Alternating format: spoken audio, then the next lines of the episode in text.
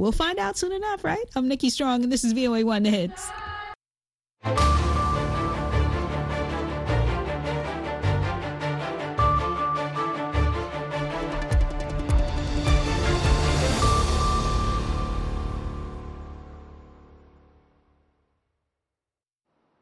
Halkani waa washington laanta afka soomaaliga ee v o a oo aad ka dhagaysanaysaan mawjadaha gaagaaban iyo efemyada geeska afrika caalamka oo dhanna waxaad nagala socotaan boggeena v o a somaali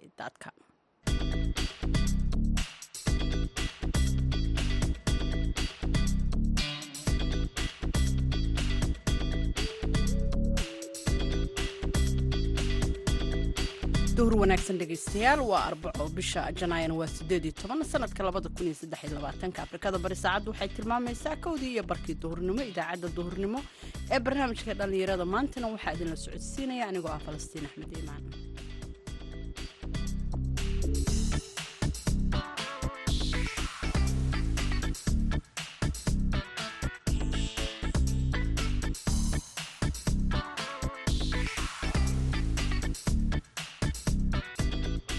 qodobada aad ku maqli doontaan idaacaddeenana waxaa ka mid a dhallinyaro magaalada gaalkacyo ka aasaasay xarun lagu xanaaneeyo digaaga.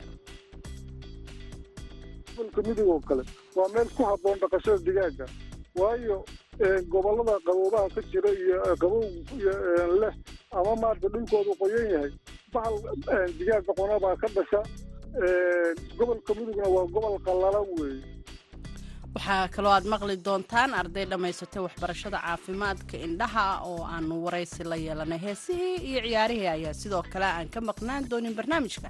Balse marka hore ku soo dhowaada warkii dunida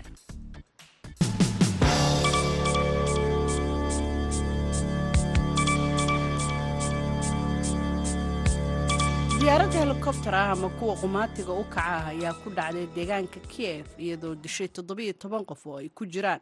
Wasiirkai arrimaha gudaha ee ukrain iyo laba carruur ah sida ay sheegeen mas'uuliyiinta ukrain wasiirka arrimaha gudaha denis monastarafiski ayaa iyo ku-xigeenkiisa yefhen yenin iyo xoghayihii gobolka ee wasaaradda arrimaha gudaha yuri liblakof ayaa ka mid ahaa dadka ku dhintay shilkan sida uu sheegay ihor kalemenko madaxa booliiska qaranka ee ukrain sagaal ka mid ah dadka dhintay ayaa la socday diyaaradda helikobter ah oo ku burburtay borobari oo ah xaafadda bariga ka xigta caasimadda ukrain sida uu sheegay kalemenko.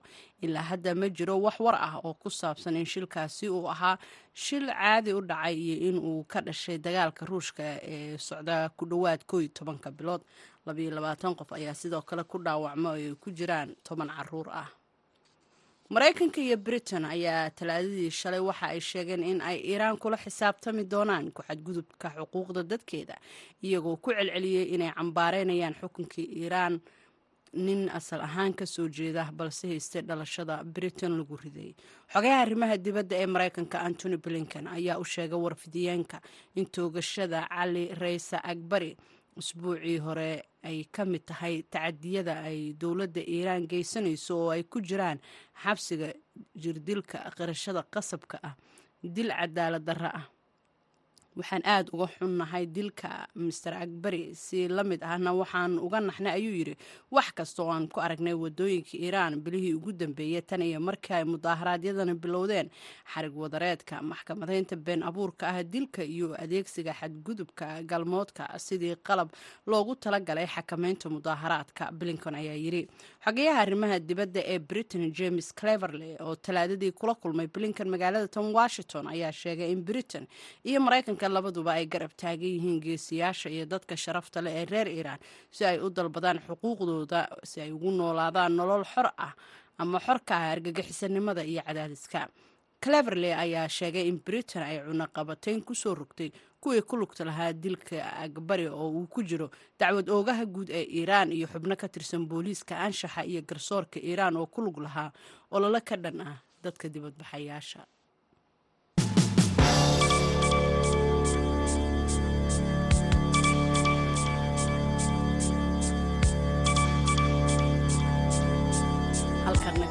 socotaana waa v o magaalada gaalkacyo waxaa ka jira xarumo ay dhallinyaro aasaaseen halkaasoo lagu xanaaneeyo digaaga. Dhallinyaradan ayaa ka ganacsada digaaga iyo wax soo saarkeedaba.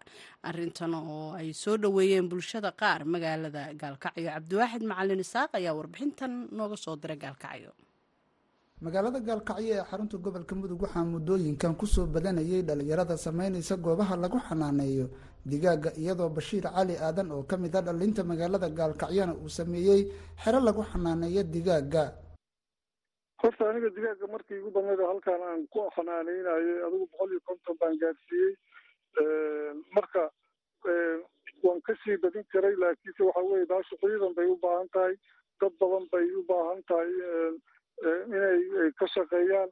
Baashu waa xoolo weeye raashin bay rabtaa biyey rabtaa ta kale waxaa jira waa noolaha korkiisu toddobaatan boqolkiiba ay biyo yihiin digaagu saad og tahay biyaha aad buu ugu baahan yahay ukunta uu ka ukunta uu dhalaya xabad digaaga ay dhalayso biyay ka samaysan tahay marka bahalku hadduusan biyo badanna haysanna dhibaataa ku imaanaysa bahalku waa noolaha aada ugu jirkiisu ay biyuhu ku badan yihiin boqolkiiba toddobaatan iyo sideed ama ilaa toddobaatan meelahaasaa lagu qiyaasay inay biyihii jirkiisa yihiin ta kale gobolka mudug oo kale. Waa meel ku habboon dhaqashada digaaga. Waayo gobollada qaboobaha ka jira iyo qabow leh ama maarata dhulkoodu qoyan yahay bahal digaaga qonabaa ka dhasha gobolka mudugna waa gobol qallalan weeye oo heerkulkiisina labaatan iyo xoogaa iyo lagu qiyaaso ilaa uu ugu badnaan meelahaas shan iyo labaatan iyo marmarka qaarkood uu gaaraa inkastoona hadda aan ahayn qalabka lagu cabiro laakiinse waa dhul qallalan oo u baahan digaaga in lagu maarata lagu dhaqo. Tijaabay ahayd marka anigu waxaan digaaga u dhaqayay. Tijaabadiina hadda wax badan baa ka barta bashiir cali aadan ayaa v o e da uga waramay faa'iidada ay leedahay xanaanaynta digaaga. Bismillaah raxmaan raxiim. Aniga ka faa'iideysanayo fursadan ay maanta v o a siisay. Anigoo dadka deegaanka gaalkacyo degan horta sidii hadda laba hab ayaa digaaga loo dhaqdaa. Ku midka hore laba hab baa digaaga loo dhaqdaa qofka bini aadanka markuu digaaga dhaqanayo waa inuu laba hab maskaxda ku haya habka koowaad oo ah waxyaabaha digaaga laga helo kow hilib. Digaaga inaad u dhaqanaysid hilib iyo inaad u dhaqanaysid ukun inaad ka heshid iyo inaad hilib ka heshid labadaas hab baa horta digaaga loo dhaqdaa. Marka marka hore oo dhaqadaha digaaga dhaqanaya waxaa laga rabaa labada hab inuu go'aansado inuu digaaga inuu rabo inuu hilib ka helo iyo inuu ka helo ukun hadduu hilib rabo inuu ka helo qofka waxaa la rabaa dhaqdaha inuu go'aansado digaag miisaankiisa culus yahay inuu soo xusho si uu uga faa'iido.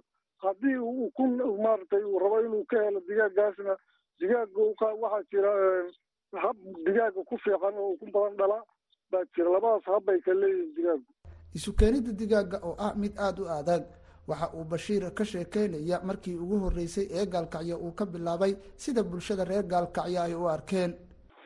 Horta waxa igu kalifay anigu yaraantaydii baan ka shaqayn jiray waagan yaraa hadda markaan weynaadayna haddii waxaan go'aansaday sidii aan dhaqaalo uga hela reerkeyga iyo anigaba saasaa digaaga igu qasabtay.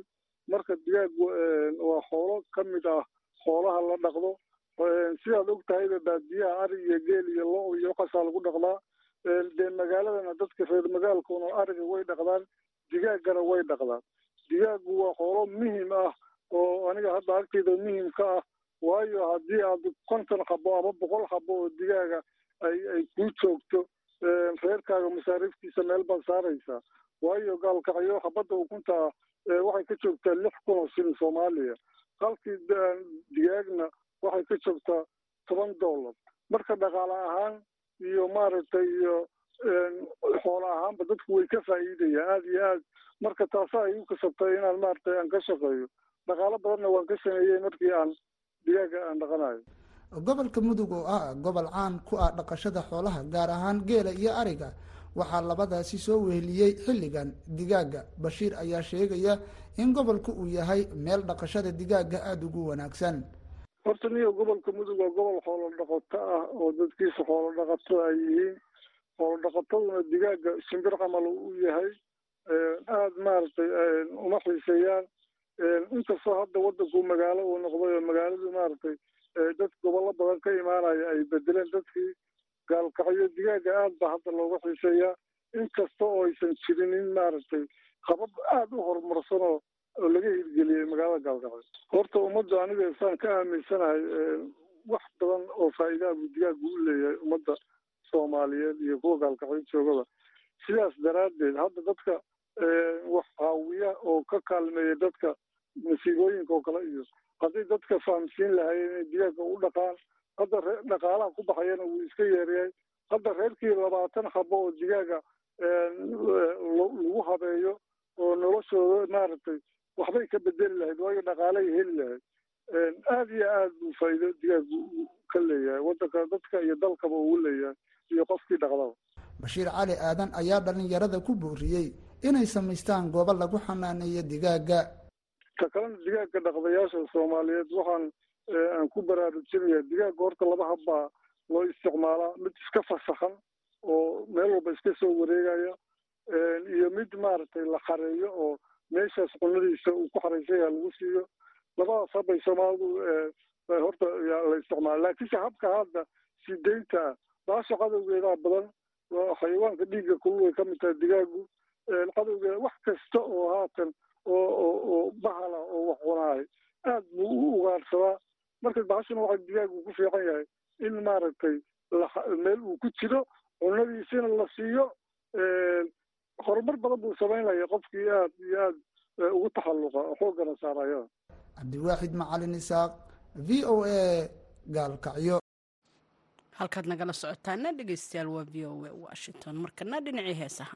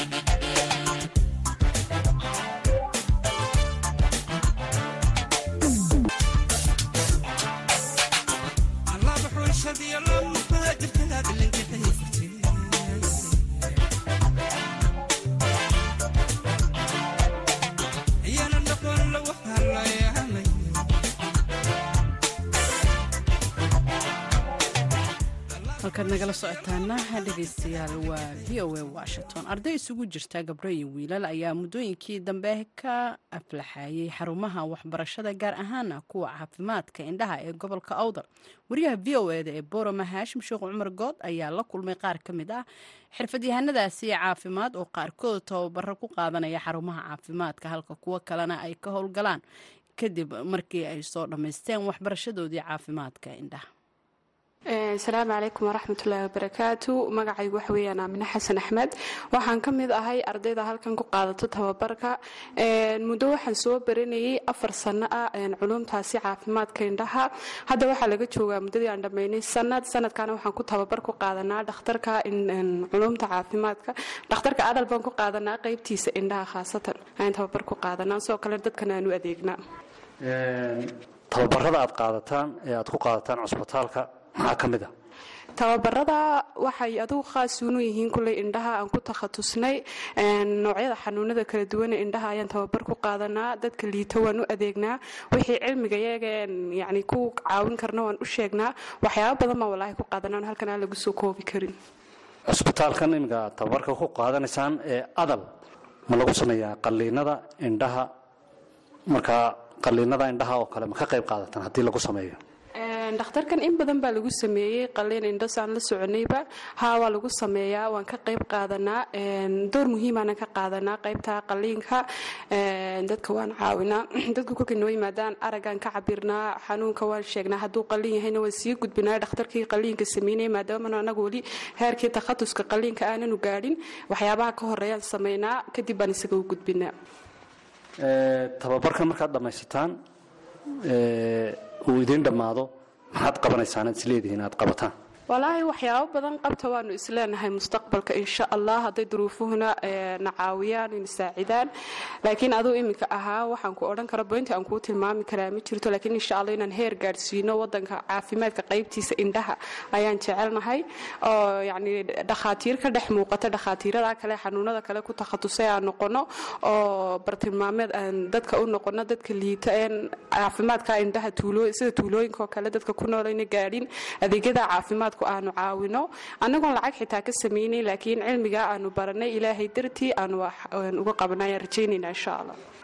Fardowse cabdiraxmaan waxay ka mid tahay dhallinyarada barata culunta caafimaadka. Hadda waxay tababar u joogtaa cusbitaalka adal qaybta indhaha waxaan ka waraystay bal muddadii wax soo baranaysay. Fardowse ku soo dhowow waxbarashadaadii culunta indhaha muddadii aad bilowday warbixin kooban naga sii farduus cabdiraxmaan abshir waxaan ka mid ahay ardaydii ka qalinjibisay jaamacadda adal miracle university. Iminkana waxaan u joogaa adal hosbital ayaan waxaan u joogaa internship u joogaa oo waxaana la baraa sidaan bulshadeena uga shaqayn lahayn. Muddo intee leeg ayaad soo baranaysay culuumtan indhaha oo aad ku jirtay jaamacaddan adal? Waxaan soo baranaynay ilaa iyo afar sano iskugu jirtay practical iyo iyo theory iskugu jirta iminkana practicalkiiyo internship baan sameynayna muddadaa markaa aad ku jirtay tababarka bulshada amase bukaanada ku soo maray kuwee ka mida eed aragtay eed u adeegtay? Waxaan badanka u adeegnaa dadka indhaha biyaha ugu furtay iyo dadka kataragta caadka leh iyo ciyaalo yaryar iyo dad reer baadiya ku soo dhaca dhaawacyo indhaha. Dadka marka ay ku soo booqdaan ee ay yimaadaan cusbitaalka gaar ahaan dadka indhaha ka cabanaya ee imiga yimaada cusbitaalka. Waxyaabaha ugu horreeya eed weydiisaan maxaa ka mid a ama ay idiin sheegaanba? Waxyaabaha ugu horreeya aan weydiina horta waxay tahay meesha ay degan yihiin inay magaalada degan yihiin inay baadiyahay degan yihiin. Dadka baadiyaha degan horta badanka waxaa ku dhaawacyo badanoo ama xoolaha u geysta ama geedaha iyo iyo dhastan badan waxaa u geysta. Marka ay waxyaabahay ka cabanayaan idiin sheegaan waxyaabaha ad u qabataan maxaa ka mid a fardowsay waxaa ka mid ah inaan ka cabirno aragtidaan ka cabirno kadibna aan ku eegno qalabkan aan haysano aan ku eegno saan baan ugu sheegnaa xanuunkii wixii jira. Wax badan koorsyo badanba soo qaadano halkan lagu soo koobi karin ayaan soo qaadanay laakiin waxyaabaha ugu waaweyn ugu muhiimsan la soo baro waxa weeyaan farmacologygan daawooyinka saan u qori lahayn iyo xanuunooyinka kala duwan ee indhaha tababarka hadda aad ku qaadanayso cusbitaalka adal ku yaalla magaalada boorama waxyaabaha tababarka ku qaadataan maxaa ka mid a waxaa ka mid ah inaan caawino dadkii noo yimaada inaan caawino aan ka cabirno aragtida aan eegno xanuunka haya ayaa ka mid ah. Kuwaasi waxay ahaayeen dhakhaatiirta ardayda ah ee dhallinyarada ah ee tababarka ku qaadata cusbitaalka ay ku qaadanayaan tababarka qaybta indhaha ee ku yaalla magaalada boorama gaar ahaan cusbitaalka adal international hosbital xaashim sheekh cumar good v o a boorama. Markana dhegeystayaal ciyaarihii iyo maxamuud mascade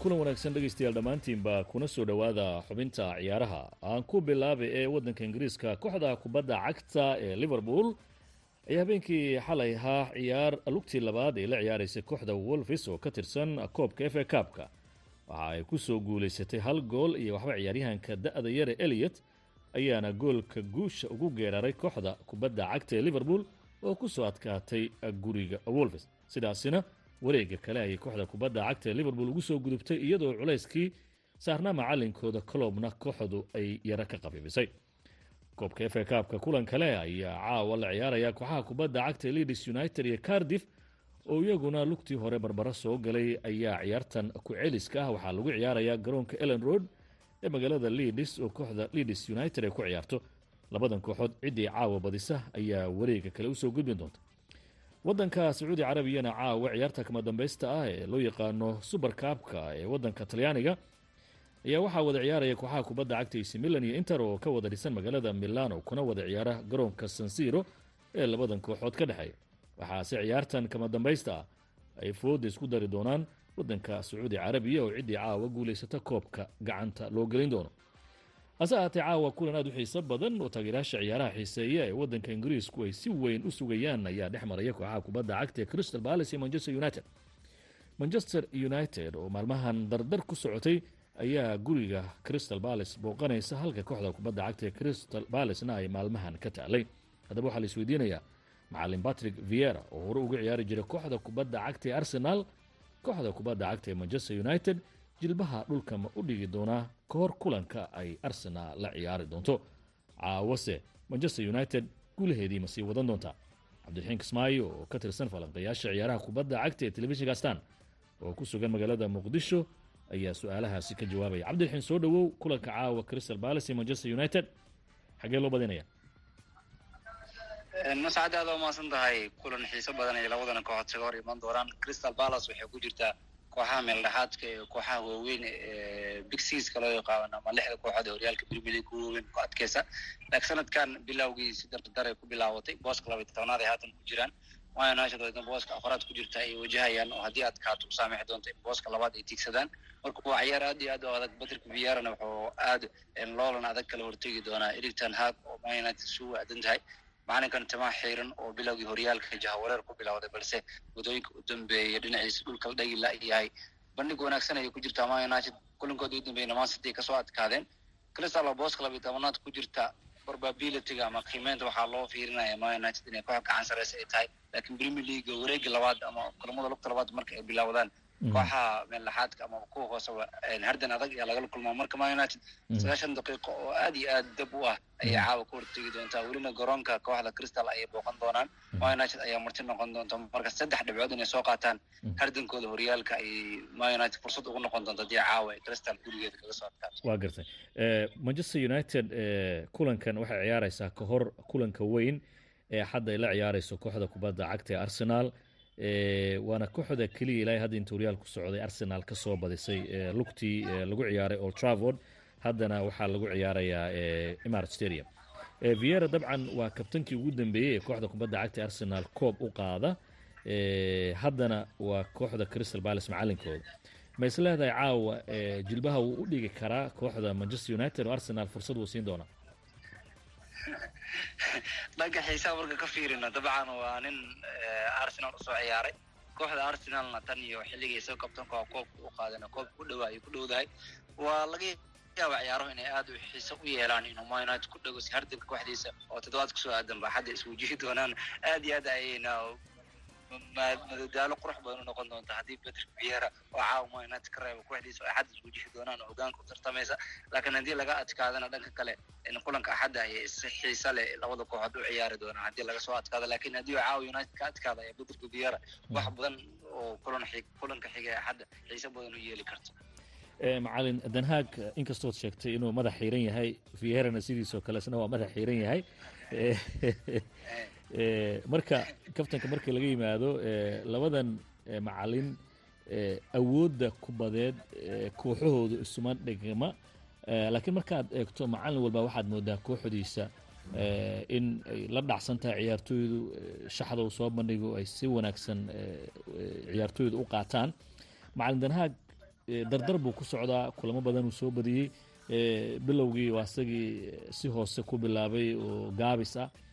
Isbeddelkan iyo dardartan kooxda manchester united xaggee kala timid. Ilaa iyo hadda ciyaartooy lagu soo kordhiyey oo weynna ma jirto. Xaggee ka yimaadeen awooddan ay kooxdu hadda muujinayso ma united weligeed waxaa loo fiiriyaa xidiga magacyo waaweyn leh in dhowr tirsamay ay ahaayeen weligood xilliga seerka hogaaminayana kooxda spiritka waxa loo yaqaano ama xamaasada tababaraha inuu qaylo badan yahay in markii gool dhiso kooxda aad u farxa ciyaartooydiisa mararka qaar ku qaylin kara marka ma united keliya waxaa ka maqnaa xidigo waaweyn way haysteen spiritka ayaa ka maqnaa ninkan marka ciyaarihiisa u dambeeyey loo fiiriyo habkii ferguson oo kale nin aad u xamaasad badan inuu yahay mararka qaylinaya laakiin united muddooyinkan seerka marka laga soo tago mourinho ugu dambeeyay nin aad spirit leh fangal iyo waxaa iskugu xigsaday ole gana shoulder oo laba tababar. Aad spiritka ku ciyaari jirtay ahayn usana marka tanhaag spiritka iyo inay kooxda u fadhiisatay maskax ahaan iyo moral ahaan ciyaartooyda u fadhiisiyay ayaa qayb kale in man united bandhigeeda wanaagsan ay dib u hesha mascada waa tahay dad badanna waxay leeyihiin ronaldo oo ka tegey oo culays fara badan macalinka ciyaartooyda ku hayay lafteeda guulahan waa loo aanin karaa. Si taaba si waa tahay. Si kastoo taaba waxaan rajaynaynaa caawa labada kooxood ee crystal palace iyo manchester united in ay soo bandhigi doonaan. Ciyaar taageerayaasha dhexdhexaadkiihi ay ku raaxaysan doonaan. Waa tahay cabdiraxiin aad baad u mahadsan tahay dhegaystayaal. Kaasi waxa uu cabdiraxiin kismaayo isaguu jooga magaalada muqdisho barnaamijka martiigu ahaa. Intaynu mar kale dib u kulmi doono berito haddii ee beedmo waa masxadaydu ku dhaafaya sidaa iyo nabadgelyo